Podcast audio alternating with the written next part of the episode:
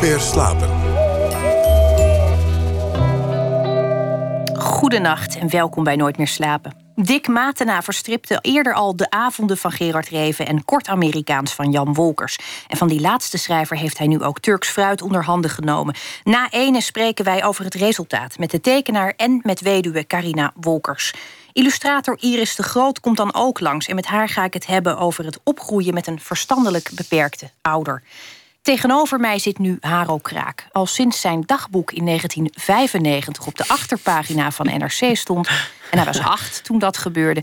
weet hij precies hoe het voelt om gepubliceerd te worden. Dat gevoel dat je een klein beetje boven de wereld hangt. Dat je voor even de aardbodem bent ontstegen. Hij heeft dan ook altijd geweten wat hij wilde, schrijver worden... Haro Kraak studeerde onder meer journalistiek en media in Amsterdam, kwam bij de Volkskrant terecht en doet het daar heel aardig, kunnen we wel stellen. Daarom werd het eigenlijk hoog tijd voor die eerste roman. En het verhaal ontstond vier jaar geleden door één blik op een A4'tje. Over een onderzoek naar de relatie tussen kleuren en cijfers ging het. Het bleef een bij en begon een verhaal te worden. En nu ligt Lekhoofd in de winkels. Een roman over de jonge Noah Kramer die geluiden kan proeven en letters en cijfers in kleuren ziet. Zijn zintuigen lijken met elkaar verknoopt en samen met zijn vriend Teun gaat hij op zoek naar de grenzen van zijn waarneming en het systeem dat daaraan ten grondslag ligt als zo'n systeem te ontdekken valt. De vraag is natuurlijk: koester je je eigen werkelijkheid of probeer je deel te nemen aan die van anderen? En wat als je daar helemaal niet toe in staat bent? Schrijver Haro Kraak, welkom. Dank je. Ik had als kind een uh, kersenbonbon. Ging per ongeluk. Er stond zo'n schaaltje en ik nam dus zo'n bonbon. En dat was een mooi rood papiertje. Ik denk dat het me daarom te doen was. Mhm. Ik beet erin en ik vond het afschuwelijk smaak. En iemand vroeg hoe dat smaakt. En toen zei ik dat smaakt naar hoe mijn moeder de ramen zeemt. Ja. Ik, kan dat, ik zou dat nu niet meer, denk ik, zo kunnen bedenken. Maar ik moest dat schopen, daar heb ik jaren dus niet aan gedacht. Ik las jouw boek en toen schoot me dat ineens te binnen. Ja. Dit, dit fenomeen, uh, synesthesie. Kun jij vertellen wat dat is? Want dat, dat, ik, voor mij was het ook even weer inkomen. Ik had de term wel eens gehoord, Mhm. maar Het is een, een neurologische aandoening waarbij de zintuigen eh, in elkaar overvloeien. Eh, dat kan in allerlei verschillende vormen, want je hebt meerdere zintuigen. Ehm, maar de meest bekende vorm is eh, dat mensen letters en cijfers in kleuren zien. En dan zien ze die kleuren letterlijk als ze dus een, een boek lezen of een cijfer zien. Niet alleen in hun hoofd. nou, eigenlijk natuurlijk wel in hun hoofd, dat is de waarneming. Maar ze kunnen er niet aan, aan- ontsnappen. ze kunnen het niet uitzetten. Je kunt het niet uitzetten, nee. En eh, je hebt het in allerlei vormen. Er zijn mensen die eh, geluiden in eh, eh, kleuren zien. Eh, zangeressen die weten dat ze zuiver zingen omdat de A geel is. En dat ze daarom weten dat ze niet vals zijn aan het zingen. Eh, je hebt mensen die dus geluiden kunnen proeven. Er heeft een hele interessante documentaire die heet Derek Tastes Like Earwax. Het gaat over een man die letterlijk, dus elke keer als iemand de naam Derek zegt, oorsmeer proeft. Dat is vrij indringend, lijkt me dat eh, eigenlijk. Eh, en eh, er is een, een grappig boek eh, van een bekende neuroloog, Richard Sitowick, als ik het goed zeg. En dat heet The Man Who Tasted Shapes. En dat, dat, is ooit tot stand gekomen door een toevallige ontmoeting die die man had met, met een meneer aan een diner. Die zei dat, het, dat de kip niet gaar was, omdat het te veel als een driehoek proefde en niet als een vierkant. Want vier, of te veel prikkeltjes had of zoiets dergelijks. Dus die had letterlijk, die proefde in, in geometrische vormen. Nou, dus zo idioot kan het, eh, kan het zijn, synesthesie.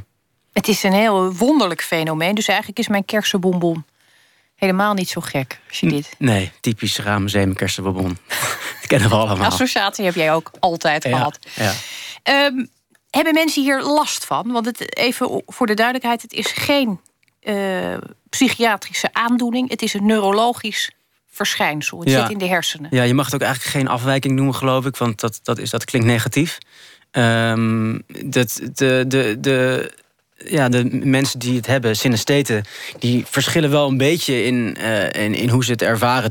Sowieso hebben ze allemaal helemaal hun eigen systeem ervoor, eh, dat altijd wel consequent is. Maar eh, over het algemeen ervaren ze het niet als een belemmering. Maar ik kan me voorstellen dat de man die dus elke keer oorsmeer proeft, als je Dirk zegt, het wel te indringend af en toe vindt. En daar misschien daardoor ook sociaal bijna apathisch wordt in bepaalde contexten natuurlijk. Want dan, ja, als je constant allerlei smaken in je mond proeft terwijl je met mensen aan het praten bent, dan kan dat best heftig zijn. Maar ja, aan de andere kant, aan de andere kant wen je daar misschien ook wel aan. Maar je, je hoort vaker eigenlijk dat mensen het als een verrijking zien van hun uh, waarneming. En soms ook als een, een bron van creativiteit. Uh, zoals je, de beroemde schrijver Nabokov, die, ja, die ziet het als een gave. En die, die, die had ook met, met letters en cijfers de, de, kleuren. En zijn moeder had dat ook. En gek genoeg had zijn vrouw dat ook. En hun kind had dat ook weer. Dus dat was, het, is, het is ook genetisch. Het is ontzettend erfelijk. Ja. Iets. Ja. En um, ja, dat gaat wel heel ver. Maar ik, ik vraag me dan toch af, als die kinderen dan geboren worden, zien die dan op een gegeven moment die cijfers in dezelfde kleuren als hun ouders? Of heeft iedereen zijn eigen, zijn eigen systeem? Ja, in principe heeft iedereen zijn eigen systeem. Synestheten kunnen ook ruzie krijgen onderling wat het, wat het juiste systeem is. En dat was voor mij ook een van de redenen om niet uitgebreid allerlei mensen te interviewen om te vragen hoe het precies is. Want ik wilde gewoon mijn eigen verhaal vertellen. En ja, ik heb een aantal boeken erover gelezen en een paar mensen gesproken. Maar uh, uiteindelijk heb ik het toch wel echt naar, naar eigen invulling gedaan. En zolang je het consequent doet, is het wel goed. Maar het grappige is dat de, uh, uh, bij Nabokov was het geloof ik zo dat bijvoorbeeld hij de A blauw zag, zijn vrouw rood en het zoontje toevallig als paars. Maar dat was dan echt, dat denk ik, compleet toeval. Um, ik vind dat intens romantisch. Ja, dat, dat toeval misschien, dit is geen toeval. Het is geen toeval. Dat is, dat is twee, nou ja, hoe zeg je dat? Uh, chromosomen of genen die het helemaal samen geblend hebben. Twee genen, één gedachte. Ja, ja, ja. ja. Je hebt uh, een aantal mensen wel gesproken die dit hebben. Mm Zijn die in staat om te beschrijven hoe dit is? Want het lijkt mij toch een beetje alsof je kleur uitlegt aan een blinde bedoel, voor hun is dit gewoon hun waarneming. En zij moeten jou dan gaan uitleggen wat zij ervaren. Dat, dat lijkt me best complex. Uh, ja, nou het enige wat ik er heel. Ik heb nooit iemand gesproken die dus uh, uh, geluiden kan proeven. Bijvoorbeeld, alleen heb ik in die documentaire dat, dat wel gezien. Um, en ik heb ook wel allerlei verhalen gelezen over mensen die, die geluiden kunnen zien in, in kleuren. Uh, maar een vriend van me bijvoorbeeld, die, die, die werkt bij een soort van belastingkantoor. En die uh, ziet dus cijfers en letters en kleuren. En die zegt ook dat het hem helpt om getallen te onthouden, bijvoorbeeld. Omdat het, ja, ja je weet dus. welke kleur het ongeveer is. Dus als het een lang getal is, dan weet je, die, die kleur heb je, je hebt een extra geheugensteuntje eigenlijk. Dus en hij ziet dat inderdaad letterlijk uh, als een soort van uh, uh, schijnsel om, om de letters heen en de cijfers heen. Dus dat is, dat, dat is echt in je, in je blikveld. In jouw boek ehm, ontdekt Noah eigenlijk op een gegeven moment dat hij dat dit niet een normale waarneming is. Mhm. dat, dat, dat is natuurlijk voor heel veel mensen die dat hebben ja. een, een raar moment. Ja. Kan me voorstellen. Dat, je, dat je die ontdekking doet. Dat je denkt, god, ehm, nou ja, blijkbaar ziet, ziet niemand dat die zeven paars is. Ja. Eigenlijk. Ja, en het gek genoeg, dat kan dus ook tot je dertigste duren totdat je dat doorhebt. Want ik heb dus nu dus met, als ik over dat boek aan het vertellen ben, heb ik nu al een aantal keer gehad met. Maar ziet niet iedereen dan letters en cijfers in kleuren? Letterlijk, ja, ik heb echt dat soort berichten gekregen. En uh, zelfs uh, mijn vriendinnetje uh, vroeg vertelde aan een collega over mijn boek. En ja, en die jongen die kan geluiden in, in, kleuren zien. En dat meisje, maar is dat, dat, is, dat, is dat wat dan? Dat, dat, dat hebben we toch allemaal? En die, die was echt, stond echt perplex. Volgens mij is zij dertig of zo. En ze, liet, ze heeft op het conservatorium gestudeerd. Ze liet haar, haar partities zien. en ze had dus letterlijk met een kleurpotloodje de, de noten in de juiste kleuren getekend. En had daar nooit over, bij over nagedacht dat dat een, een, een neurologische uh, ja, fenomeen is. En uh, ja, bij Noah gebeurt dat in een aantal horten en stoten. Er zijn een aantal signalen die mensen niet oppikken. Er zijn een aantal signalen die hij misschien zelf niet oppikt. Hij zegt bijvoorbeeld op een gegeven moment tegen een klasgenootje... dat laat hij de letter P zien. En dan kijk hij, kijk, er is een letter P. En dan trekt hij één lijntje en dan is het een R. En dan zegt hij, binnen één lijntje heb je van een groene letter een rode letter. En hoe, hoe kan dat nou? En, en die jongen tegen wie die dat zegt, die, die, die reageert daar natuurlijk totaal van flabbergasted op. Uh, die, die, die waar heeft hij het over? Ja. ja. En, um, en ja, er zijn een aantal van dat soort um, incidenten, zou je kunnen zeggen, nodig. Voordat, voordat Noah echt doorheeft dat het, uh, dat, dat, dat, dat, dat het toch niet is wat, wat, hoe andere mensen het is, zien. Het is in die zin dat, dat uh, ja, dat kunnen we eigenlijk toch niet uh, vermijden. Het is het is verhaal van een bewustwordingsproces. Mm dat, dat staat centraal. Mm Noah die dit heeft, moet zich tot de wereld gaan verhouden. In die zin is het dus een, een coming-of-age roman. Jij vindt dat een vervelende term? Nee, nee, ik vind, ik vind het juist geen vervelende term. Er, zit, er rust een beetje een, een smet op, uh, geloof ik. Um, ja, ik geloof dat het een beetje zo'n zo'n term is geworden van debutant uh, schrijft een boek. Uh, dat moet dan maar een coming-of-age roman zijn. En ik heb wel eens interviews gelezen met redacteuren die dan zeggen van... Ah, schrijf alsjeblieft geen coming-of-age roman... want dan, want dan kom je er niet doorheen, door de slashpaal, weet je wel. En ja, volgens mij is dat een gekke gedachte... want je hebt gewoon goede boeken en slechte boeken. En coming-of-age romans zullen echt nog heel lang geschreven blijven worden, denk ik. Nou ja, het, lijkt me voor jou extra lastig. Jij, jij loopt al heel lang rond in de literatuur. Je ziet natuurlijk ook al die debutanten langskomen. Hmm. Um, ja, ik moest daar ook even aan denken. Dat ik dacht, het is weer een witte, welvarende debutant. Ja, Die met een boek komt over de binnenwereld, over iemands mhm. binnenwereld. Um, even los van kwaliteit van schrijvers, is dat mhm. toch. Ja, lijkt dat een stroming te zijn. En, en dan wordt dan dus heel snel een, een etiket opgeplakt. Of een, ja. En dat lijkt me lastig als je dat beseft. Ja, ja, ik heb daar wel over nagedacht. Ehm, en ik, ik, ik heb ook ooit vier jaar geleden, toen ik eh, ongeveer het boek begon, was het een, een hedenlijn en een verledenlijn.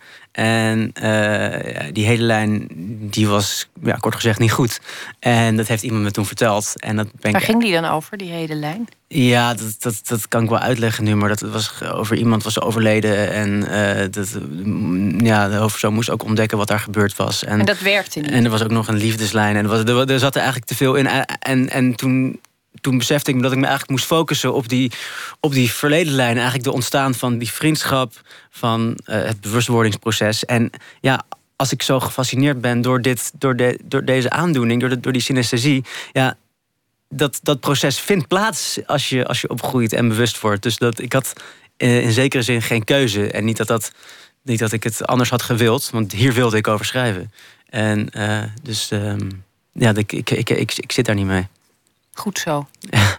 je wist al dat je schrijver wilde worden heel jong. Ehm, ik noemde het net al even toen ik je introduceerde. Dat, het is een ontzettend aandoenlijk verhaal natuurlijk. Dat jij een soort dagboekje schreef. Je vader uh, stuurde dat naar NRC. Ja. Uh, dit is ook intens schattig. Uh, terug te vinden op, uh, op internet. Acht jaar was ja, je toen. Het verdwijnt nooit meer. Was jij... Ehm, had je een beeld van wat een schrijver dan was of deed? Want als je acht bent, op achtste, nee. dan heb je daar toch nog geen... Nee, je, je ziet wel aan de totale naïviteit van het tekstje. Volgens mij is zo, ik kan het niet precies meer herinneren, maar volgens mij is iets van. En toen was Haro zo oud en toen leerde hij het alfabet. En de vervolgende regel schrijf ik het hele alfabet uit ter, ter bewijs van dat ik het alfabet kende. En uh, ja, dat, dat was een soort van opsomming van de paar dingen die in mijn leven gebeurd waren. Dat waren niet veel dingen. En uh, ik was ook niet bedoeld ter publicatie, totdat mijn vader het stiekem instuurde naar de NRC achterpagina. En het er opeens instond en hij me dat liet zien. En ik kan me dat nog precies herinneren. Het was, ja, het, het, het, ik, het, ik vond het doodeng en toch ook wel een zware trots die er doorheen. Uh, maar je besloot toen wel iets je besloot, ik wil dit. Ik wil dit gevoel wat ik nu heb, nu ik mezelf indruk, ja, ik geloof, ik, ik, geloof, ik geloof niet dat ik het toen zo bewust besloot. Dat, dat, dat, dat doe je niet op die leeftijd. Dat, dat, dat kan bijna niet. Maar ik heb al, eh, vooral op die leeftijd heb ik heel veel uh, geschreven. En dat was het, blauwe scherm van Word Perfect staat me daar nog heel erg uh, scherp bij. En ik schreef ook strips en, en, en, verhaaltjes. En dat, dat, dat, dat, dat hield ik toen wel een tijdje vol, denk ik. Totdat ik een beetje een puber werd en er andere dingen gebeurden in mijn leven. En dat, toen, toen praten we er meer over. Ik had dus een, een, vriend van me en dan hadden we het altijd over van ja, we gaan allebei een boek schrijven. En dat, dat wordt heel gaaf. Maar we deden helemaal niks met schrijven op dat moment. Maar we, we lazen gewoon af en toe boeken. En, uh, Wat deed je dan wel? ja, gewoon rondhangen. Ik, uh, ik zat net in de taxi hier naartoe, uh, toevallig via het Gooi, via Bussum naar Hilversum. En toen kwamen er even wat, wat flashbacks langs. Want ik, zag, ik reed langs, we reden door het Bussum heen in plaats van over de snelweg. En toen zag ik alle bankjes waar ik veel uren heb doorgebracht eventjes. Het was volle maan net. Tenminste, zo zag het eruit. Dus ik kon het goed zien. Het is volle maan. Dat heb je heel goed waargenomen. Ja, het, Ontzettend vol. Het waren, het, waren, het waren, de bankjes waren zichtbaar. En ik zag mezelf er weer zitten. Zo'n jongetje was jij. Ja. Wat voor nest uh, kom jij uit? Wa waren je ouders ook bookminded? Uh, ik, ik weet niet zeker of we bookminded waren. We waren wel, mijn moeder uh, heeft altijd in de, in de kunsten gewerkt, bij musea. En mijn vader is notaris en tekende heel fanatiek. En mijn broer kon ook heel goed tekenen. En ik was eigenlijk de minst getalenteerde tekenaar van het gezin. Dus ik denk dat ik dan dus ging schrijven.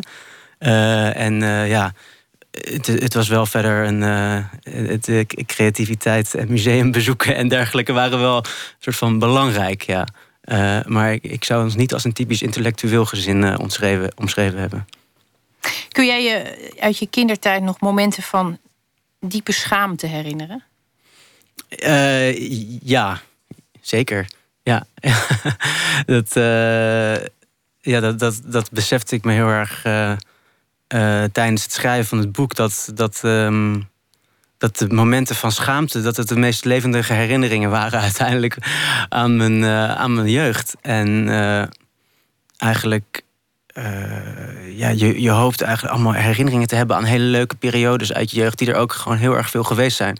Maar op een of andere manier uh, worden die één grote uh, soort van blur van, van, van onbenulligheid. Want ja, dat ging helemaal goed en dat was niet belangrijk om te onthouden. Die trok er geen lessen uit verder.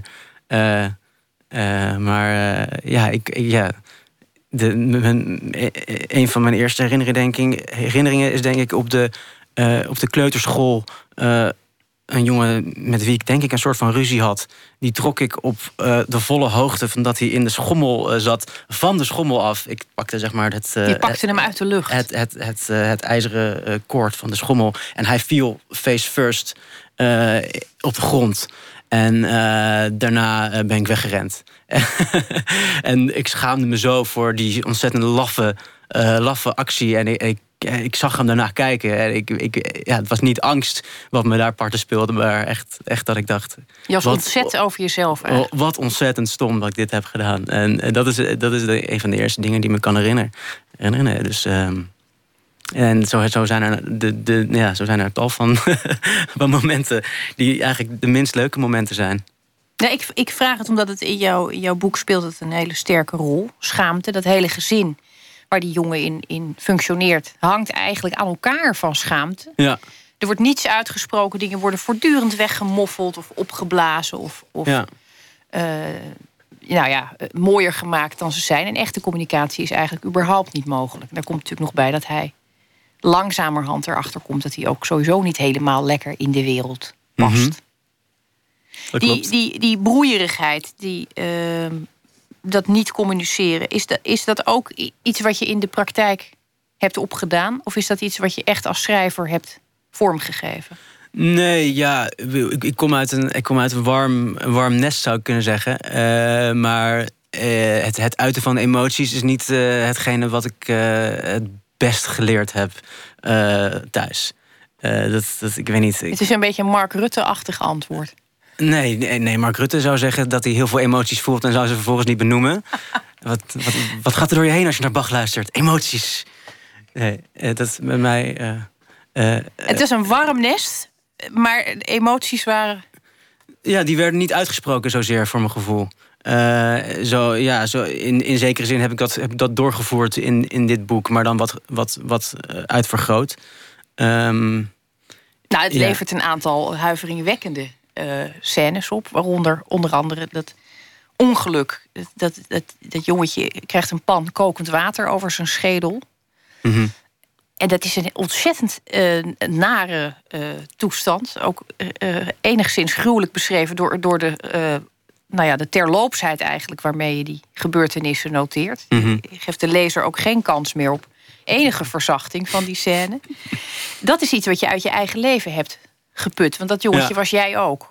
Ja, nee, dat klopt. Dat hebben jullie ook mooi uit dat ene stukje, dat dagboek. Uh, dat vond ik echt prachtige onderjournalistiek, dat dat, dat dat ontdekt is. Dat ik, dat, dat ik daar nog eventjes... Het was eigenlijk leuker geweest als ik had gezegd dat dat niet echt gebeurd was... en dat jij dat dan zo naar voren had geschoven. Als, van, een, als een bekentenis, ja. een ontdekking. Ja, je liegt. Nee, klopt. Ik, heb, uh, denk, ik geloof dat ik één jaar oud was in Brussel bij mijn tante...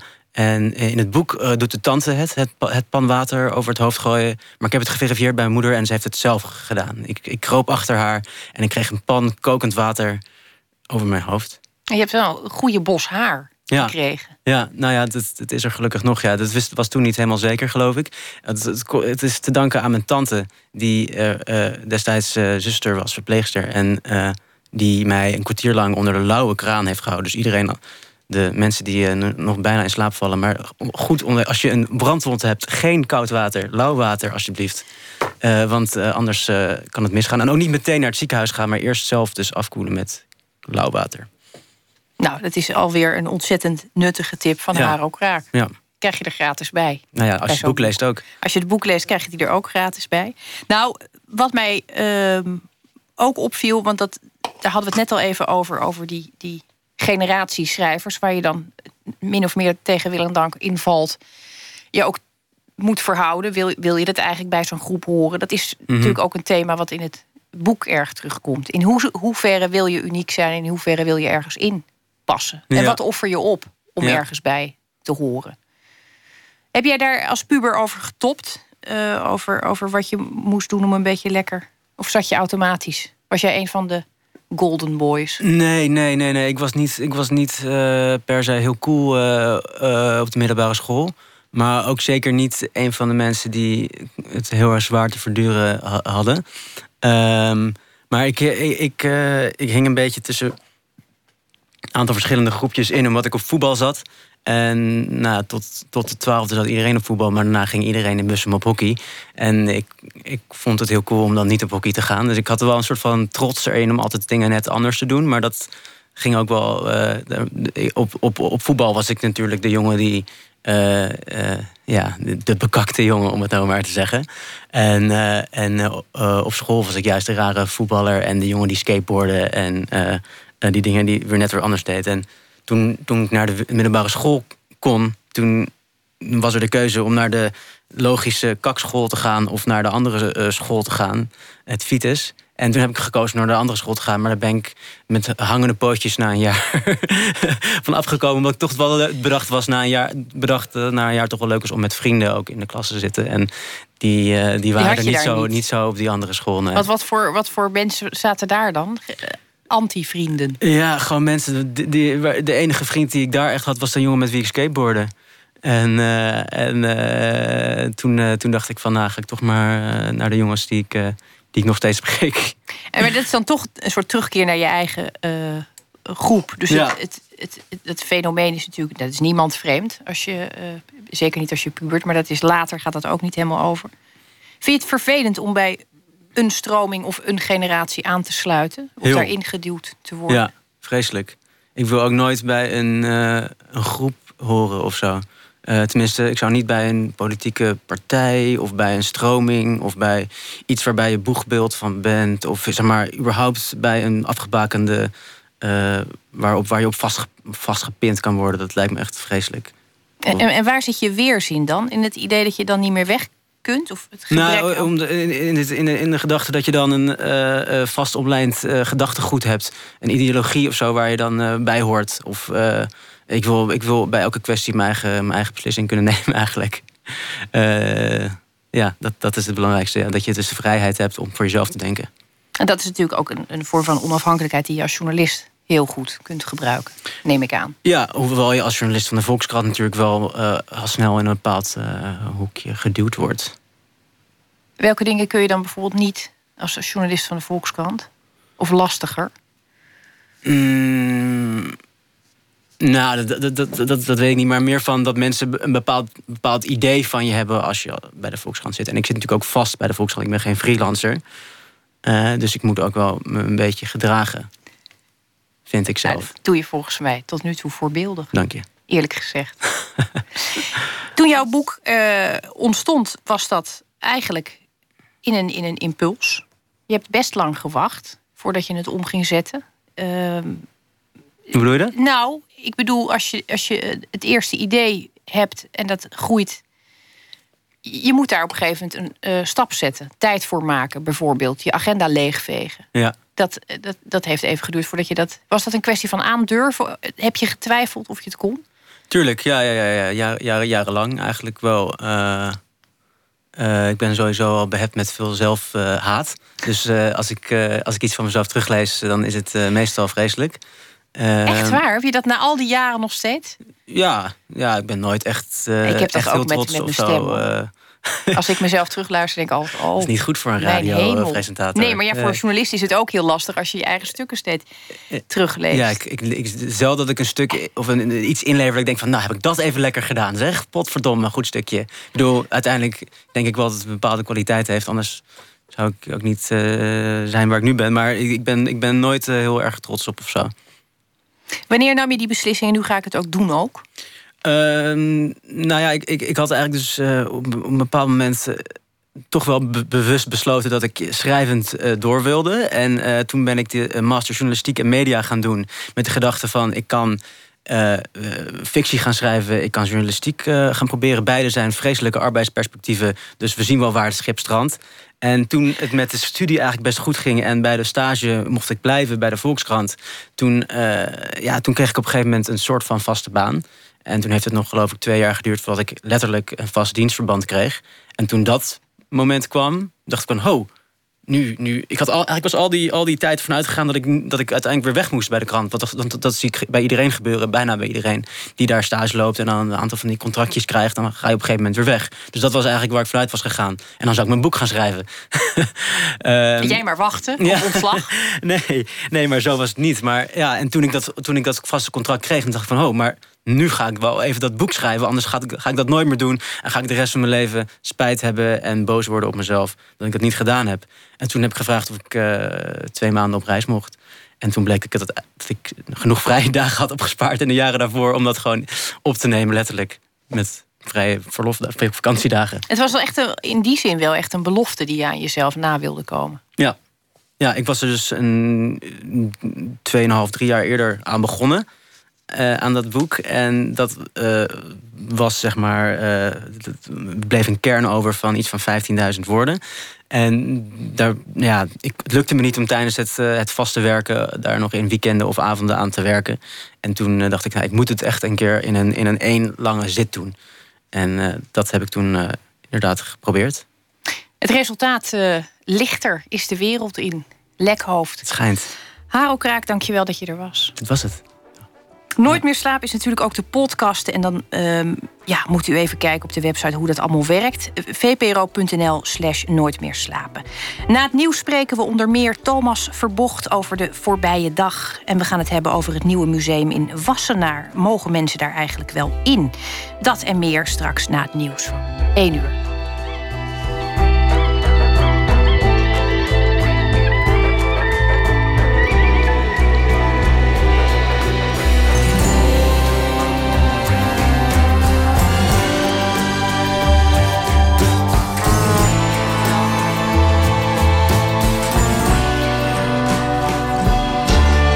Radio 1.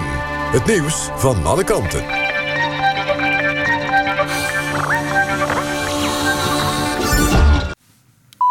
Er is één uur door Almegens met het NOS-journaal. Strijdkrachten van de door de VS geleide coalitie tegen IS... hebben in Syrië een topman van Islamitische Staat gedood. Het is volgens het Pentagon de minister van Informatie... die bekend staat als Dr. Wail was onder meer verantwoordelijk voor de videofilmpjes van IS... met executies en martelingen. Hij werd gedood bij een gerichte luchtaanval in de buurt van Raqqa... de Syrische stad die door IS is uitgeroepen tot hoofdstad. Het Pentagon spreekt van een precisieaanval. Bij de voorbereiding van een tentoonstelling over Hercules Segers... heeft het Rijksmuseum zes nieuwe schilderijen ontdekt... van de 17e-eeuwse kunstenaar. Werk van Segers is erg zeldzaam. Tot de vondst schreven kunsthistorici 10 tot 12 schilderijen aan hem toe totaal aantal bekende werken van Segers staat nu op 16 schilderijen en twee olieverfschetsen. Directeur Dibbits van het Rijksmuseum zegt dat het zelden voorkomt... dat er zes schilderijen worden toegevoegd aan zo'n klein oeuvre. De NAM begint vandaag weer met oliewinning in Schonebeek in Drenthe. De productie lag anderhalf jaar stil vanwege een lek in de leiding voor afvalwater. Dat werd via die leiding naar Twente afgevoerd om opgeslagen te worden in de bodem. Het hervatten van de productie is omstreden. De Tweede Kamer vroeg de NAM donderdag nog om niet te beginnen... met het injecteren van afvalwater in de Twentse bodem. De NAM heeft besloten geen gehoor te geven aan die oproep. Johan Lokhorst treedt per direct af als voorzitter van de Raad van Commissarissen Betaald Voetbal van de KNVB. De andere leden beraden zich op hun positie. Een aantal clubs heeft deze week zijn gebrek aan vertrouwen in de Raad van Commissarissen kenbaar gemaakt. Ze zijn boos omdat ze niet betrokken waren bij de opvolging van de directeur betaald voetbal. Zonder vertrouwen kun je niet functioneren, zegt de vertrekkend voorzitter. Dan het weer nog. Het is droog. Plaatselijk kan er wat nevel of mist ontstaan. Overdag af en toe zon. In het zuidoosten wel een kleine kans op wat regen. Het wordt 21 tot 24 graden. Zondag wat meer zon en temperaturen dan net boven de 20 graden. Dit was het NOS Journaal. NPO Radio 1. VPRO. Nooit meer slapen.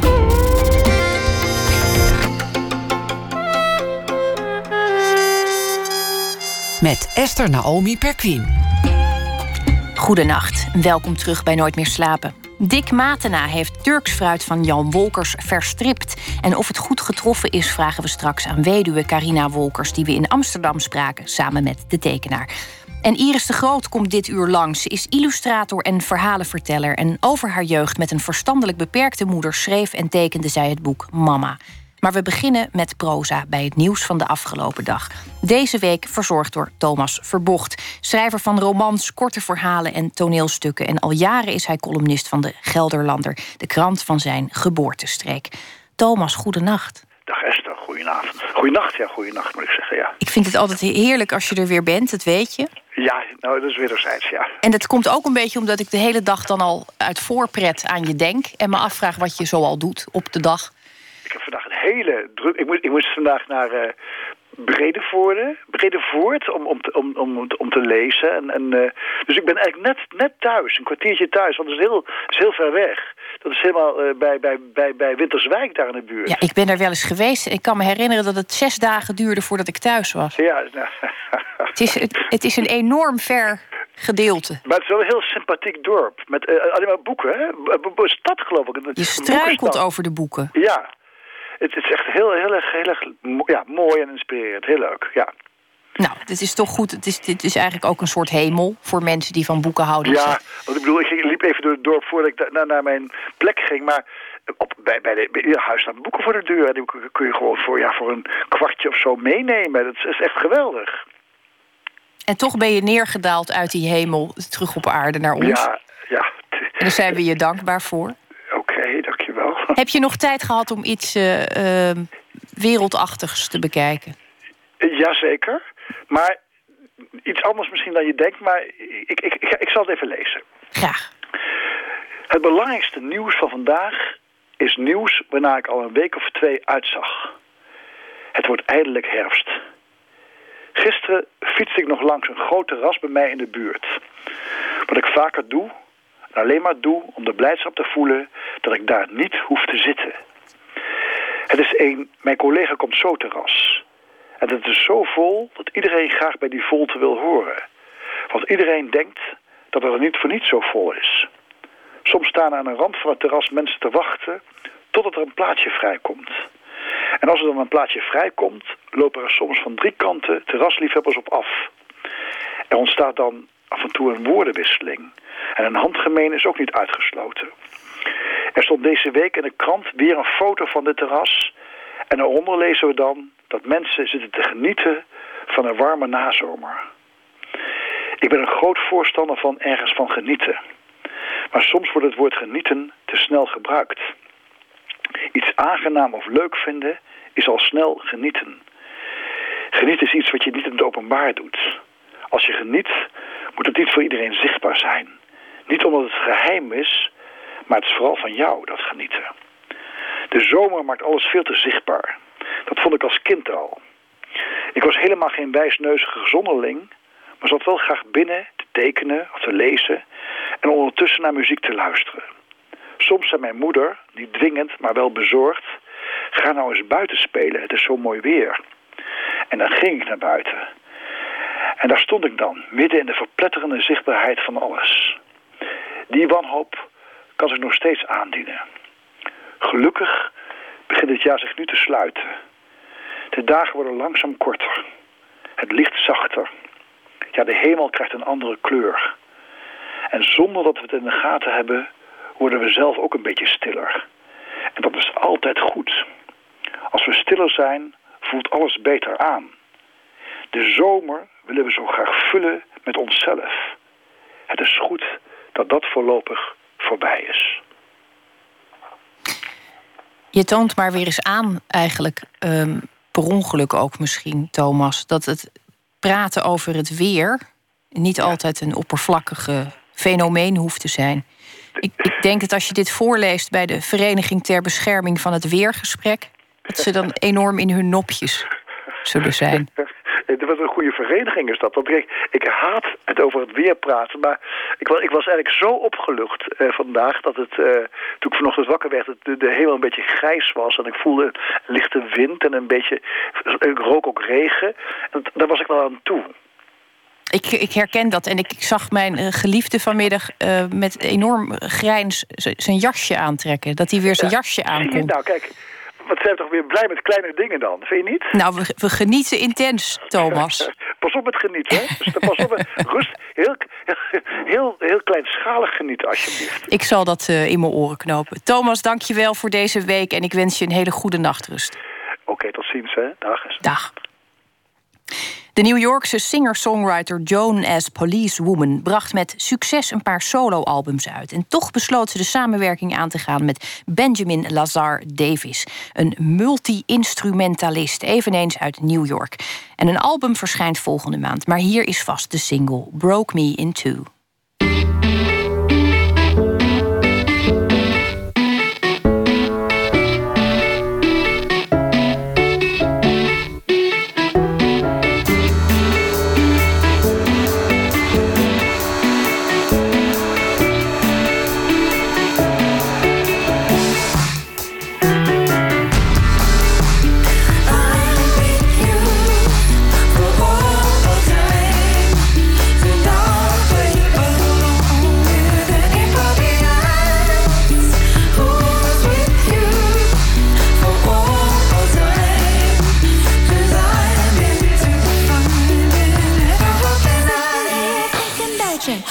The way your hands took me with you, and I will never, I'll never hesitate because ooh, you broke me in two like a lightning bolt hits the sea. You cut deep down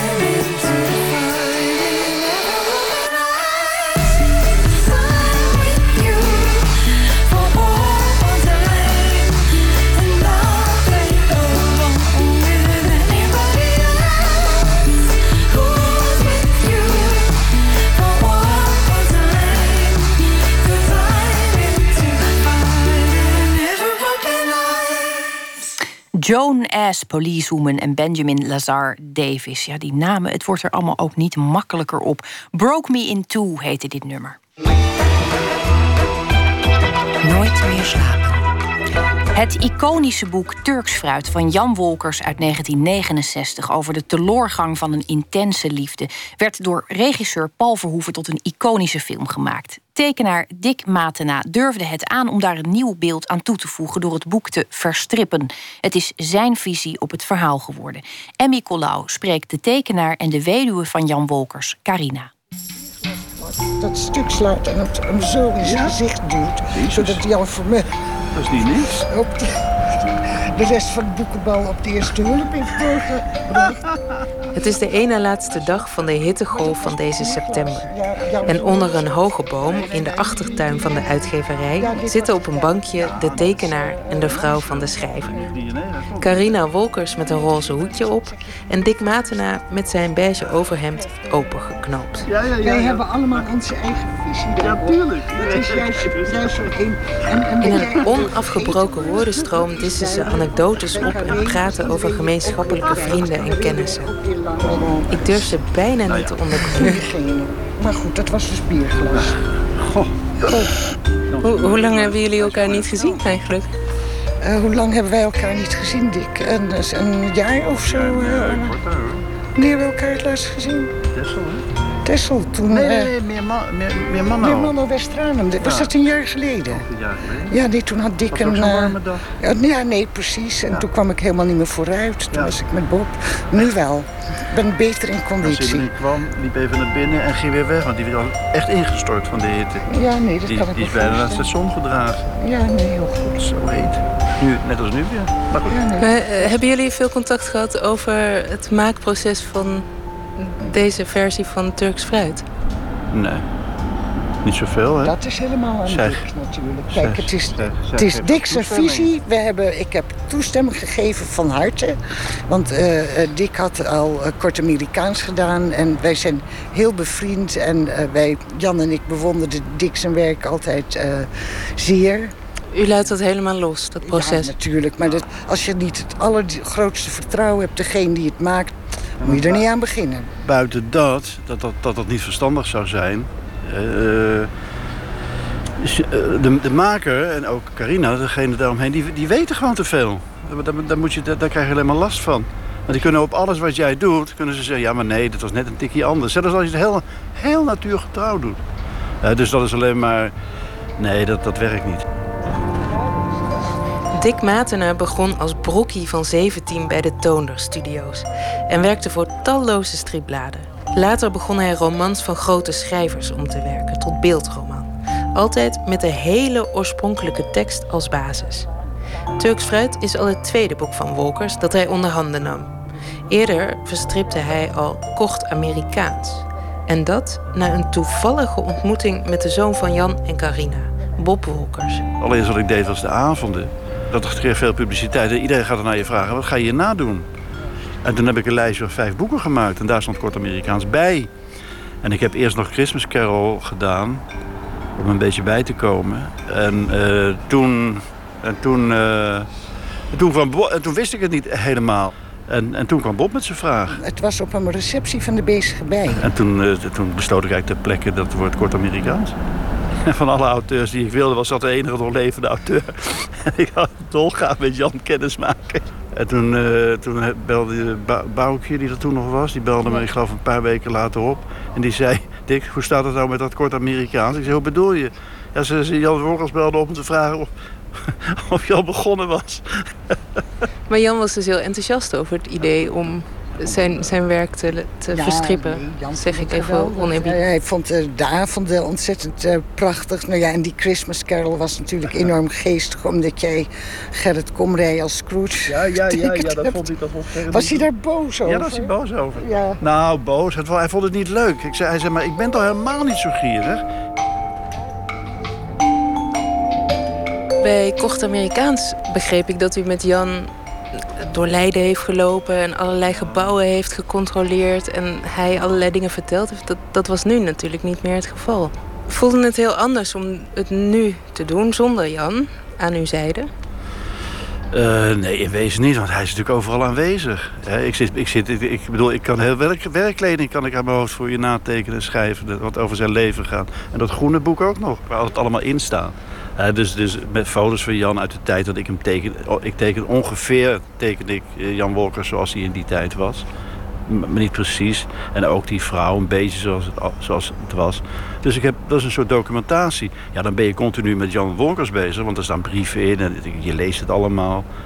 Dus en daarbij, hij is sowieso in zijn boeken altijd erg aanwezig. Oh, het, is wel allemaal fictie, het is, het is een groot gedeelte fictie.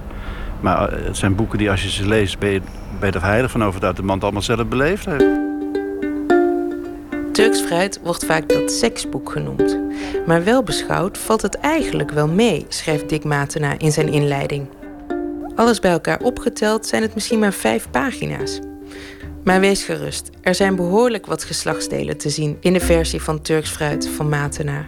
Nu zeggen schrijvers altijd dat het nog lang niet meevalt om een goede seksscène neer te pennen. Maar hoe zit dat dan met het tekenen ervan?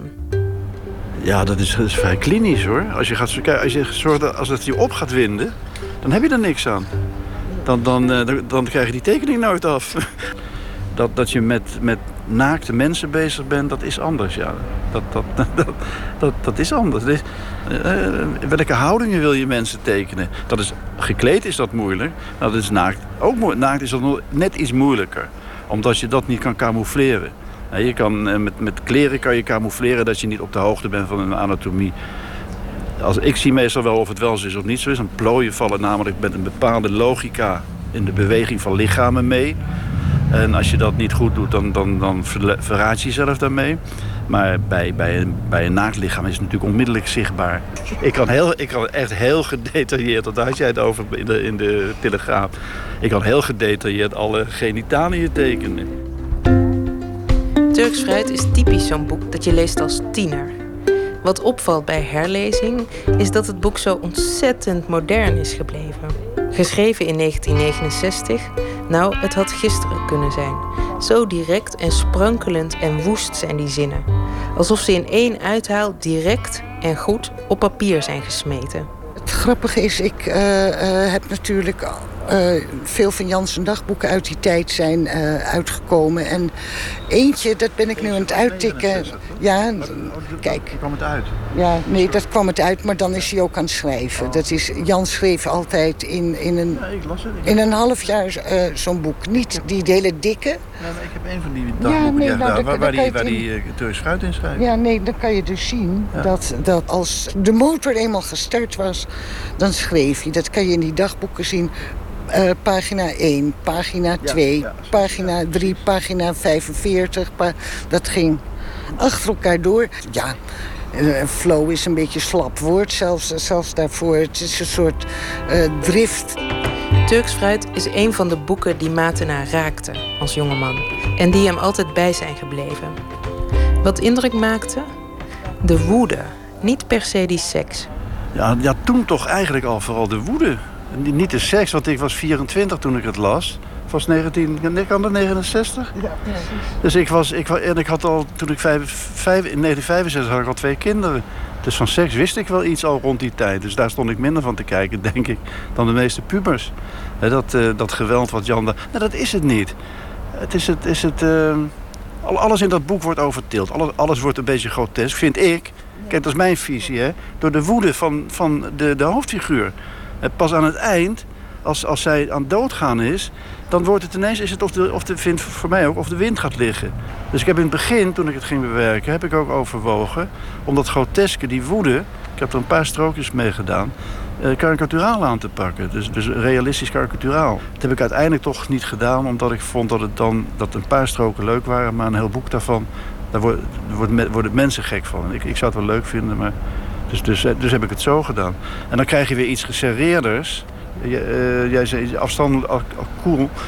Ja, als, als, je die, als je die woede gaat meedoen... Maar u, u zei het woord cool. Ja, of ingehouden. Zijn, de tekeningen zijn ingehouden, maar de tekst is al inderdaad zo... Gecontroleerde woede. Uh, uh, gecontroleerde woede. Ja, dat vind ik nog zo knap van het boek. Dat vond ik toen ook al. Matena's tekeningen bij Turks fruit zijn gemaakt in sobere bruintinten. De sfeer eerder die van eind jaren 50, begin jaren 60. Geen vrolijke, uitgelaten sfeer zoals in de film van Paul Verhoeven. Zijn tekeningen halen eerder de duistere kant van het boek naar boven. Turks fruit, maar dat geldt bijna voor iedere roman die blijft. Ja. Die moet je om de tien jaar herlezen. En dan lees je iets heel anders. Wat ik nu nieuw zag in Turks fruit, dat wist ik wel... maar dat viel, viel me nu enorm op dat het al vanaf helemaal het, het begin wijst het vooruit naar de dood. Er zit, het zit vol met dode dieren. En, en uh, uh, ja. dat, ja, dat bergeentje, die meeuw... Dat ja, dat is waar. Die, die, dat zit in de natuur. Het zit, ja, nee, maar het zit, dat wij zit van het begin tot het eind... is dat een enorme laag. En dat viel mij nu enorm op.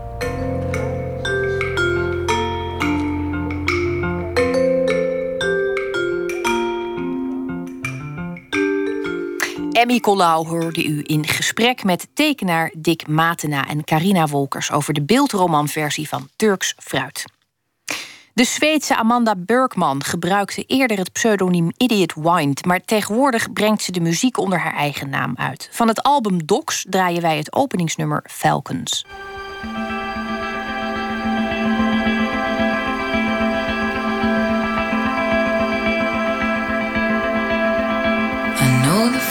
Fire slow, lock and leave it go. I've never been so hurtful before, leaving love in the haze. Falcon circling for days, always firing up another sin, following the stream so carefully, trying to find another piece of the map. They were just fields out here. Never get it right. Eating easy, getting closer. No, I could never dance like you. Keep getting wrong, keep getting wrong. And by the second that we fall, we must sail on.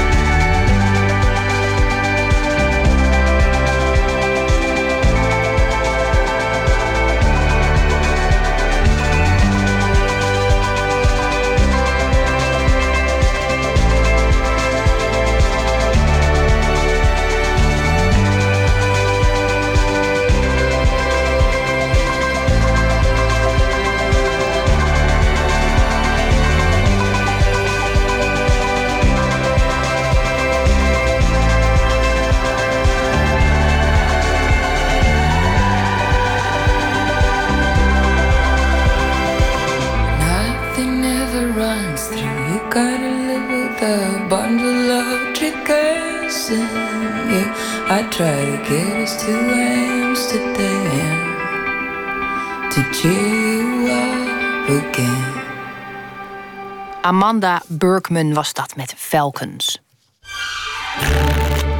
Open kaart. In onze rubriek Open Kaart trekt de gast kaarten uit een bak met 150 vragen over werk en leven. En deze keer doen we dat met striptekenaar en animator Iris de Groot. Eerder verscheen haar autobiografische stripboek Mama, waarin ze laat zien hoe het is om op te groeien met een verstandelijk beperkte moeder. Als kind snapte Iris haar huiswerk beter dan haar moeder en las ze haar voor in plaats van andersom.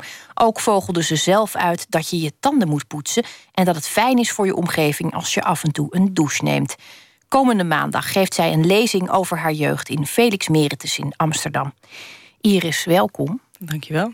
Het is nogal een, een onderwerp van debat de afgelopen jaren, gelukkig mhm. maar in toenemende maat. Moeten mensen eigenlijk wel kinderen krijgen als ze verstandelijk beperkt zijn? Mhm. Ehm, maar van die kinderen hoor je nou eigenlijk nooit iets. Nee, inderdaad. Dat is ook waarom ik het, uh, wat ik het gemaakt heb. Als kind zelf merk ik dat die informatie heel erg ontbreekt. Dat de discussie meer gaat over: mogen mensen nou kinderen krijgen? En daarbij ja, laat je die kindjes eigenlijk een beetje in de kou staan. Die krijgen zo geen hulp. En niemand denkt erover na. Dus ik dacht, daar moet over nagedacht worden. Mensen moeten het echt snappen. En daarom maak ik het stripboek. Zodat je ja, via het stripboek toch echt in kunt leven in hoe het nou eigenlijk is. Versus een interview van iemand die gewoon wat stelt zoals dit. Uh, ja, is dat meer bedoeld als een ervaring. Zodat mensen het echt als het ware kunnen meemaken en empathisch kunnen snappen.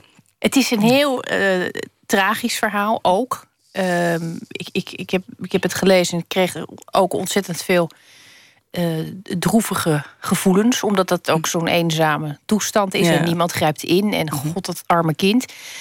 En je kiest voor een vorm die eigenlijk heel aantrekkelijk is. En ook hm. soms bijna vrolijk om naar te kijken. Mhm. Vrolijk stemmend in ieder geval.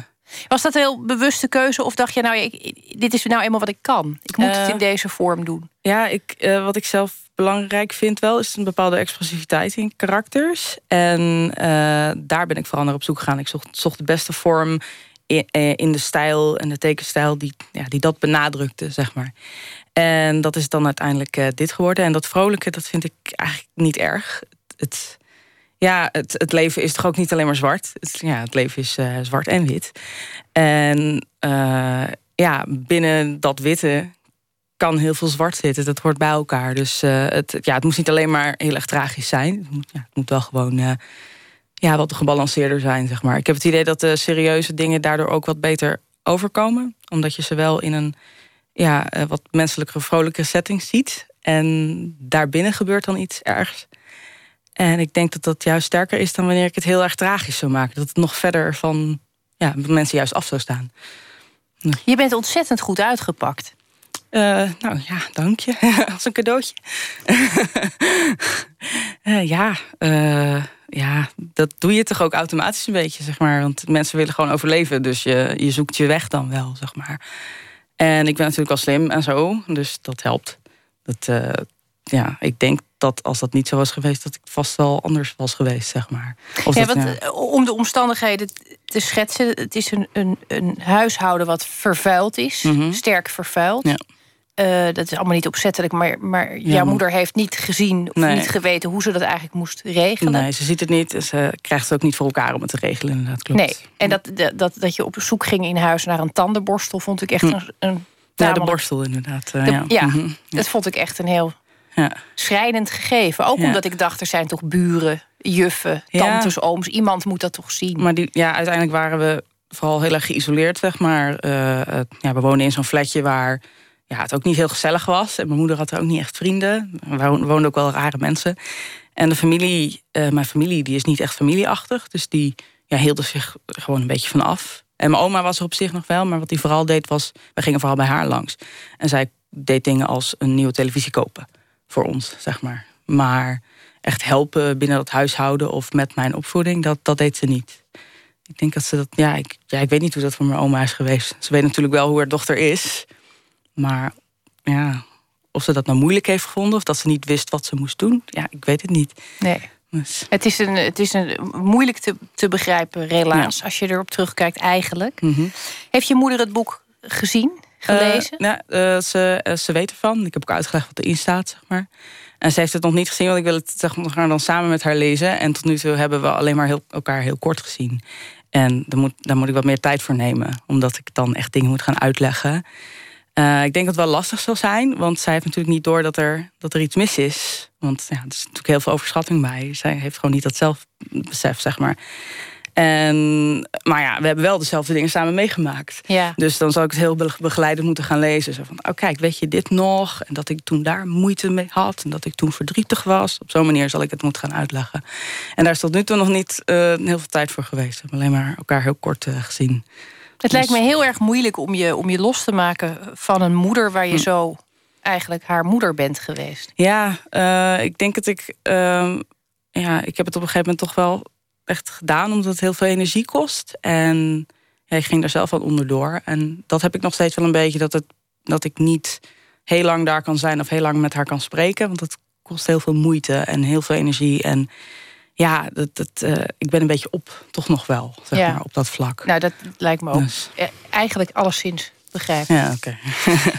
Laten we eens kijken wat we uh, nog meer over jou te weten komen. Okay, Dan mag je in onze gevreesde, befaamde kaartenbak een greep doen. Oké. Nou, mm, zal ik gewoon de eerste nemen? Dat doet bijna niemand. Nee, nee daarom dacht ik, uh, laat ik dat eens doen. Goed, wat zal het zijn? Oeh, in uh, welke film zou je willen spelen? Oeh, daar moet ik wel even over nadenken, denk ik. Uh, nou, een verfilming van Mama zou eigenlijk best. Ja, ja, ja maar dan zou, het, zou ik het in animatievorm willen doen dan toch. Omdat je dan meer die ehm, uh, ja, subtiele liggen. Ja, die communicatie tussen een moeder en een kind is, kan heel subtiel zijn, zeg maar. Dat kun je met animatie heel erg mooi erop inzoomen. Dat zou ik dan liever zo uitbeelden. Dus dan, ja, dan zit ik daar natuurlijk niet in. Uh, ja, heb je ooit dromen gehad van die, van die filmsterdromen, zoals sommige kinderen? Ja, ik wou vroeger actrice worden. Echt? Uh, ja. Het is wel een ideale ja, vraag. Ik heb ook heel dus veel theater gedaan uiteindelijk. Maar uh, ja, audities gedaan voor, voor theaterscholen. En dan nou een paar rondes verder, maar nooit tot het einde. Jammer genoeg. Maar uh, wel jarenlang theater gedaan. En regielessen en zanglessen en spellessen. in welke film ik zou willen spelen? Ik vind het nog steeds een hele lastige. Even denken. Oh, um, ik weet niet of je uh, jachten kent. Ja. Ja, jachten. Uh, het is een. Uh, ja, niet echt een vrolijk onderwerp, maar het is gewoon zo'n mooi geacteerde film. Um, de shots zijn zo. Ja, je wordt empathisch meegezogen in, in hoe dicht bij de camera bij ja, de, de leraar staat, zeg maar. En het, is het zit zo goed in elkaar. een film over hoe een gemeenschap zich langzaam ja. tegen iemand -hmm. keert. Hoe Inderdaad. het is als je iemand aanwijst. Ja. Uh, en het is gewoon zo'n prachtige film. En het is, ja, dat zou natuurlijk heel mooi zijn als je daar ook iets aan bij kan dragen in het acteren. Uh, ja, dat uh, gaat natuurlijk niet gebeuren, maar dat zou wel heel mooi nou, zijn. Daar zou ik wel heel trots op zijn. Jouw leven dus, is tot nu toe niet vanzelfsprekend geweest. Nee, dat is waar. Dus het zou zomaar kunnen dat het heel anders uitpakt. Yes. Trek nog een kaart als je Oké, is goed. Nou, dan neem ik nu gewoon ergens uit het midden, zoals iedereen altijd doet. Zo. Oeh, wie was de eerste dode die je gezien hebt? Dat was een heel jong iemand die ik zelf niet goed kende. Uh, ik zat op zwemmen en halverwege het, uh, het, uh, het, het, ronddraaien van dus je, je, zwemt dan 50 meter en dan draai je om.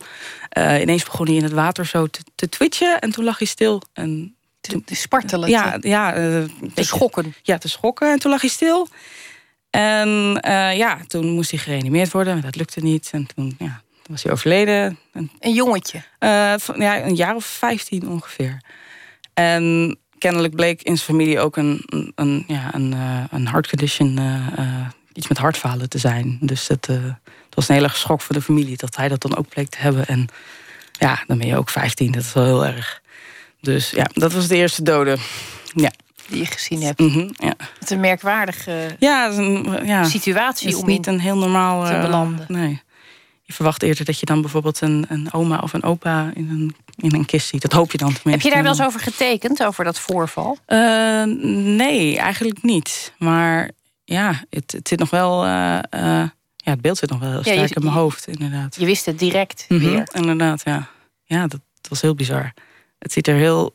Ja, als iemand flauw valt, is het toch heel anders dan wanneer iemand aan het sterven is, zeg maar. Dat, ziet- dat ziet er echt heel, ja, heel anders uit. Dat, eh, ja. En als je dan thuis kwam, kon je daar dan over praten, over dat soort Eh, gebeurtenissen? nou ja, mijn moeder vindt dat natuurlijk ook wel erg, zeg maar. Dat Dus, snapt eh, ze wel. Dat, ja, dat, dat, dat, dood- dat het erg is en het zo, dat wel.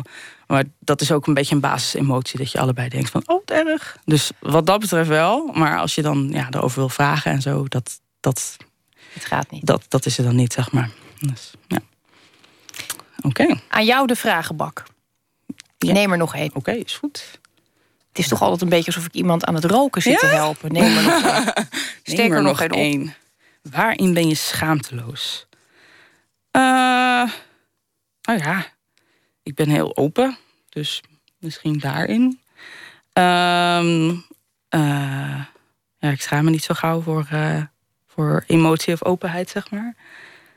En misschien ben ik schaamteloos op een, op een podium. Denk ik, ja, ik denk dat ik wel schaamteloos ben op een podium. Wat is het Dus, heftigste eh, wat je op een podium ooit hebt gedaan? Eh, niet zo heel veel bizars, ja. Oh, wacht, niet wel. Ik speelde ooit in een toneelstuk waarin ik een eh, secretaresse speelde die langzaam heel erg manisch werd en van, van verliefd zijn en bovenop de persoon die ze probeerde te helpen klimmen, hem in elkaar slaan. En het was eh, een rollercoaster van emoties, van super lief naar super woedend. En in twee minuten. Het was, ja, het, het was bizar. De foto's zijn ook heel bizar. Eh, want er zijn vijf foto's achter elkaar gemaakt dan, zeg maar. En je ziet op elke foto een totaal verschillende, extreem overdreven expressie. Eh, dat was een eh, hele leuke sketch om eh, te spelen. Ja, dat geloof ik. Ja. Daar kun je echt alles in. Daar kun je lekker inderdaad, uitpakken. Inderdaad, het was, eh, het was eh, heel extreem. Dat is wel mooi. Maar je zegt, je bent open, dat, dat, Hm. dat ben je ook. Heb je jezelf dat moeten aanleren? Want het is ook een verhaal, jouw Hm. achtergrond kan ook intens beschaamd kun je daaruit komen. Ja, ik, ik was vroeger ook wel eh, inderdaad heel erg eh, ja, beschaamd. En eh, ik had eh, kort geleden ook nog wel dat als je bepaalde dingen niet weet of je voelt je ergens slecht over, dat je dan daarvoor schaamt. Van, oh, waarom is dit allemaal gebeurd? Alleen ja, erover vertellen en, en ja, mijn, emoties erover uiten, dat, dat, ja, dat, ik ben heel expressief, dus dat gebeurt gewoon. Dus daar schaam ik me dan niet voor, zeg maar. En eh daarover vertellen, ik, ja, vraag me en ik vertel je dingen. Dus ik vertel je alles. Ja, misschien niet alles, maar goed, de meeste dingen. Zijn, zijn de reacties ehm, tot nu toe eigenlijk, hoe, hoe- zijn die geweest? Eh, ja, heel goed. Ik merk dat eh, mensen het, eh, ja, dat het op de manier binnenkomt zoals ik het bedoeld had. Dat mensen echt de situatie empathisch gaan snappen, zeg maar. En ook vrienden die het al wisten, reageerden toen ze bijvoorbeeld gingen proofreaden, op spelfouten checken. Die reageerden alsnog dan geschokt, omdat ze het nu ineens voor de eerste keer echt snapten. Daarvoor wisten ze het al wel, maar door het boek snapten ze het echt. En dat was wat ik wilde bereiken. Om het echt te laten ervaren. En eh, ja, alle reacties die ik krijg eh, ja, bevestigen dat allemaal. Dus ik, daar ben ik heel blij mee. Want het was wel de bedoeling. Dus, Vind je eigenlijk zelf dat je er had moeten zijn? eh, ik vind niet dat ik dat, dat dat mijn moeder een kind had mogen krijgen. En dat ik daar geboren had mogen worden. Ja. Want de, wat, je dan, wat ik nou heb meegemaakt, zeg maar. Het is vanzelfsprekend dat je doorgaat. En dat je dan ja, gewoon je weg erin vindt. Alleen dat betekent niet dat alles wat ervoor zit, dat dat echt iemand had mogen overkomen. Ik wens dat niet andere mensen toe, zeg maar. Dus, Je gaat straks een eh, lezing geven Ja. over dat onderwerp. Dat betekent ook dat, dat je een stem gaat worden in deze ja, kwestie. ja ik, ik, eh, ik hoop vooral, eh, ja, ja, niet per se. ja, ik vertel natuurlijk mijn verhaal, maar het gaat er niet om mijn verhaal te vertellen.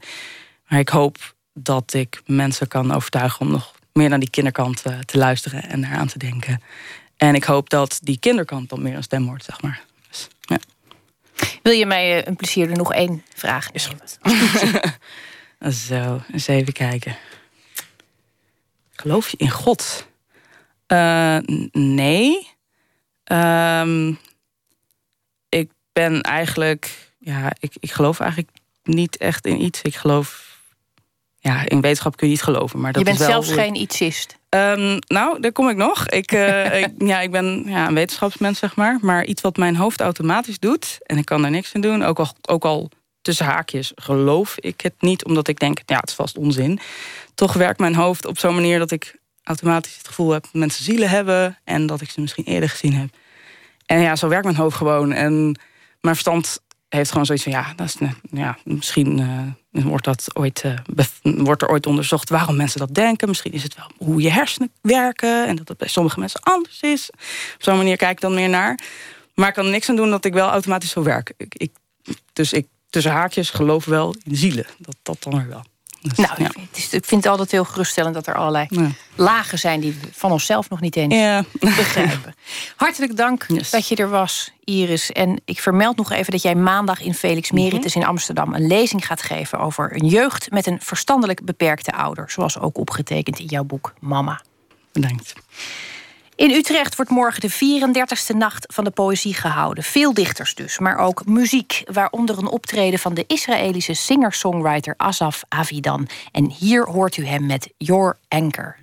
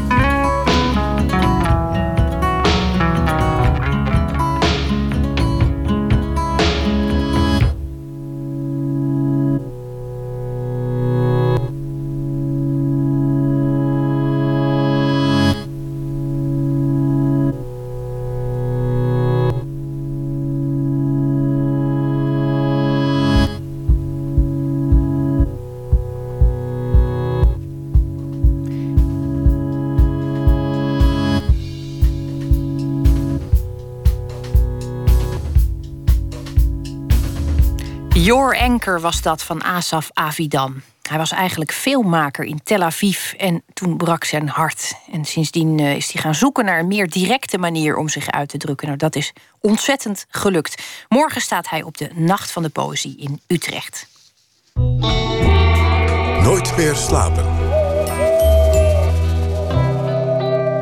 Het kan niemand ontgaan zijn. In Wassenaar opende afgelopen weekend Museum Voorlinden. Een gloednieuw museum voor de particuliere kunstcollectie van verzamelaar Joop van Kaldenborg. En nadat directeur Wim Pijbes koning Willem-Alexander had ontvangen voor de opening, mocht vanaf zondag het publiek een kijkje nemen. Verslaggever Luc Hezen peilde de reacties. Dat is het landhuis, het oude landhuis. En dan ga je met een lang pad vanaf de opritlaan... loop je naar achter, achterin de, in het landgoed. En daar ligt het museum eh, te prijken aan het einde van het gazon. En dan zie je ineens een witte doos, prachtig gestileerd. En dat is het Museum Voorlinden.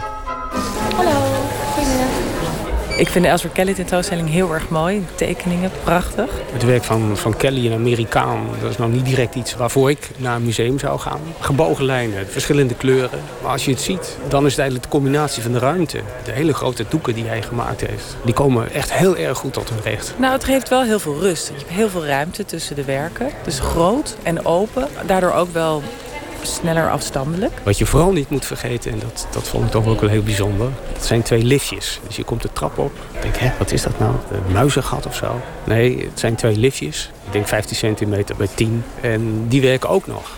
Ting, en dan gaan die deuren open. Ja, je verwacht dat totaal niet. En het turel is heel mooi. Het is een, uh, een, kamer, je moet door een soort liftschacht heen. Omdat het uh, fysiek ben je buiten als je in die ruimte stapt. En dan zit je op een bankje en dan kijk je omhoog. En dan, ja, zo mooi kan de natuur zijn. Je kijkt omhoog naar de hemel. En dan zie je de wolken aan de hemel voorbij drijven. Nou ja, die tuin van, van Piet Oudolf, die is, ah, die is indrukwekkend. Een combinatie van bloemen en grassen. Ook zo passend bij het gebouw. Heel luchtig, heel licht. En dan die ramen tot op de grond. En daarachter die tuin, ja, het is van een schoonheid. Ik ben geen kunstkenner. Ik moet zeggen, er zitten fantastische dingen tussen. Maar ook een stapel dozen waarvan ik denk... als dat kunst is, of een emmertje met eieren... waarvan ik denk, dat, dat is niet echt. Maar daar staat tegenover dat je een zwembad in kunt... of eigenlijk onder kunt. Dat je van siliconen een echtpaar ziet wat onder een parasol zit. Zo levensecht dat je denkt, ja, dit, is, uh, zie je gewoon nooit. Dat, dat ken je gewoon helemaal niet. Het is helemaal nieuw voor de ogen. En dan daarnaast ook de afwerking van het gebouw. Zoiets straks heb ik nog nooit gezien. Geen stopcontact, geen niks. Zo strak allemaal. Heel sereen, heel mooi. Je ziet gewoon een zwembad met een trapje en het water. En dan tot je verbazing zie je daar ineens iemand onderlopen. En dan blijkt er opzij een trap te zijn. En dan kun je onder het zwembad komen. En dan kijk je omhoog en dan zie je het water. Dat is natuurlijk gewoon een glasplaat wat ertussen zit. En dat zie je stromen en dan zie je vaag natuurlijk de contouren boven. En dat trapje wat boven ziet, dat loopt dus ook aan de onderkant door. En je staat dus in een echt aquakleurig zwembad. Heel apart. Vijf min. Nou, tussen de vier en de vijf inderdaad. Ik loop behoorlijk naar de vijf. De toiletten stonden nergens aangegeven, hoorde ik iemand zeggen. Dus misschien is dat een klein puntje. De tuin is super mooi. Dus dat is al één reden om te komen. En uh, voor de rest is het prachtig hier. Vijf ballen. Vijf ballen. Museum Voorlinden in Wassenaar is elke dag geopend van 11 tot 5. En vooralsnog is de museumjaarkaart daar niet geldig. Het is ruim een jaar geleden dat de 15-jarige zoon van Nick Cave door een ongeluk om het leven kwam. En op het album Skeleton Tree probeert de Australische muzikant dit verlies een vorm te geven. We gaan luisteren naar Girl in Amber.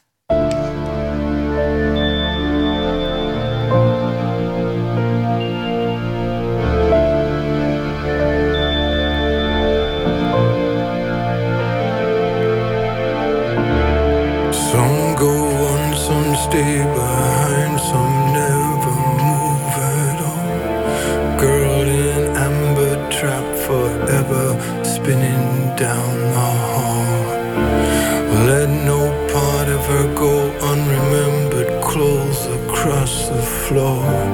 Girl in amber, long does slumber shuts the bathroom door. The phone, the phone, the phone, it rings, it rings, it rings no more.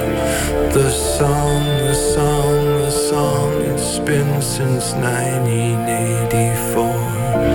The phone, the phone, the phone, it rings, the phone, it rings no more. Been spinning now since 90. And if you wanna bleed, just bleed. And if you wanna bleed, just bleed.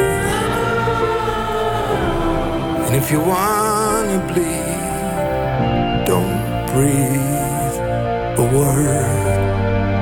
Just step away and let the world spin. And now and turn, you turn, you kneel, lace up his shoes, your little blue-eyed boy. Take him by his hand, go moving, spinning down the hall. I get lucky, I get lucky, cause I tried again.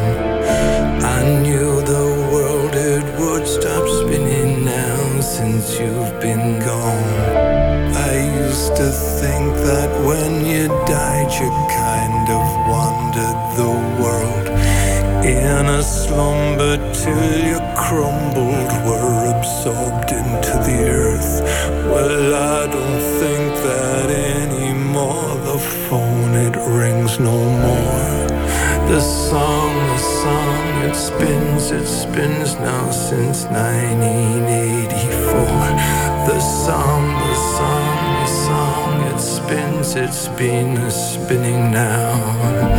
And if you hold me, I won't tell you that you know that. If you wanna leave, don't breathe. And if you wanna leave, don't breathe. You wanna leave, don't breathe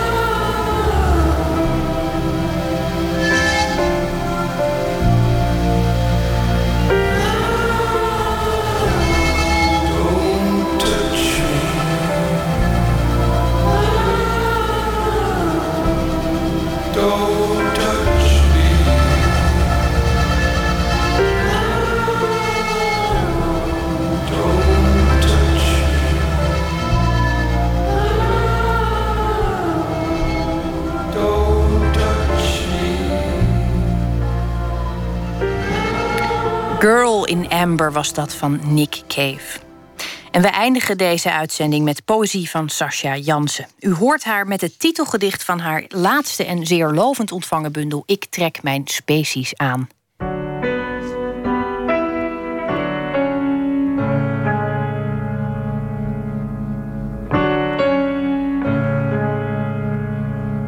De reeks Ik trek mijn species aan komt uit de gelijknamige bundel. Schreef ik in 2014 en in deze bundel wilde ik letterlijk mijn species of onze species aantrekken. Ik wilde onderzoeken wat het betekent om mens te zijn en wilde ook eigenlijk onderzoeken wat het betekent om dat mens zijn af te leggen. Ik trek mijn species aan. 1. Ik werd uit een punt geboren op een ochtend 9 uur.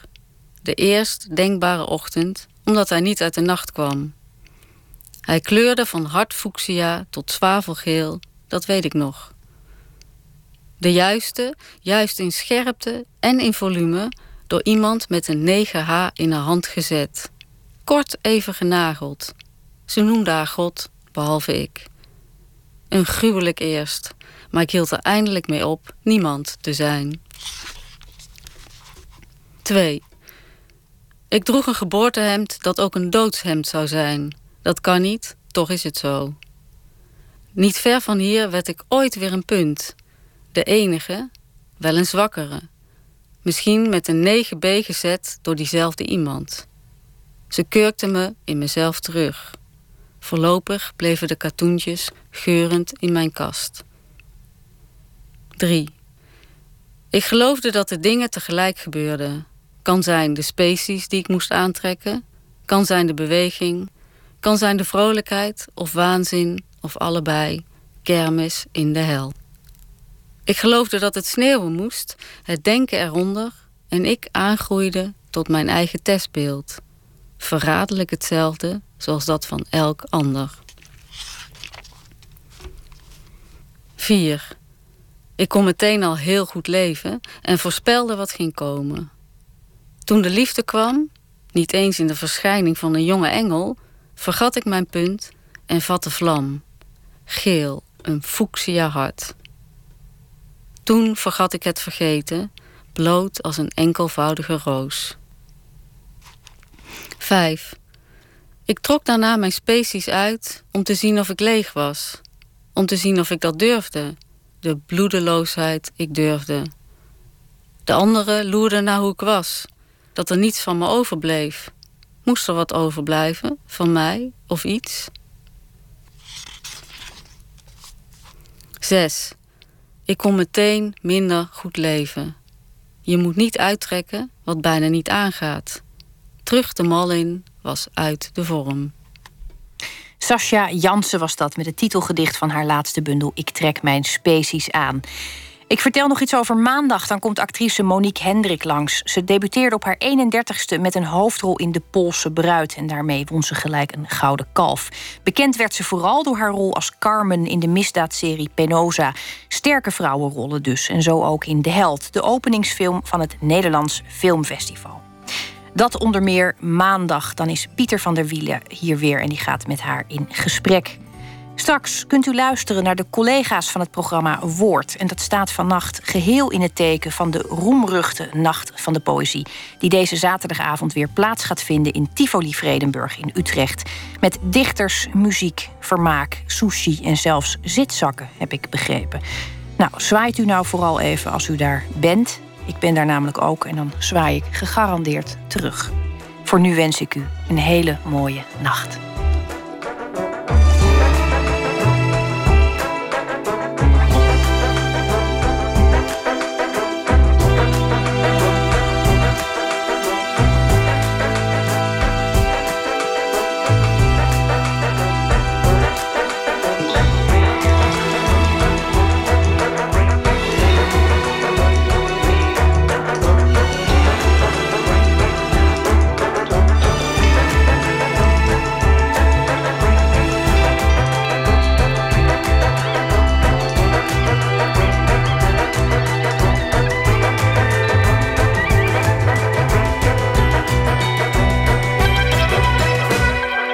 Radio 1. Het nieuws van alle kanten.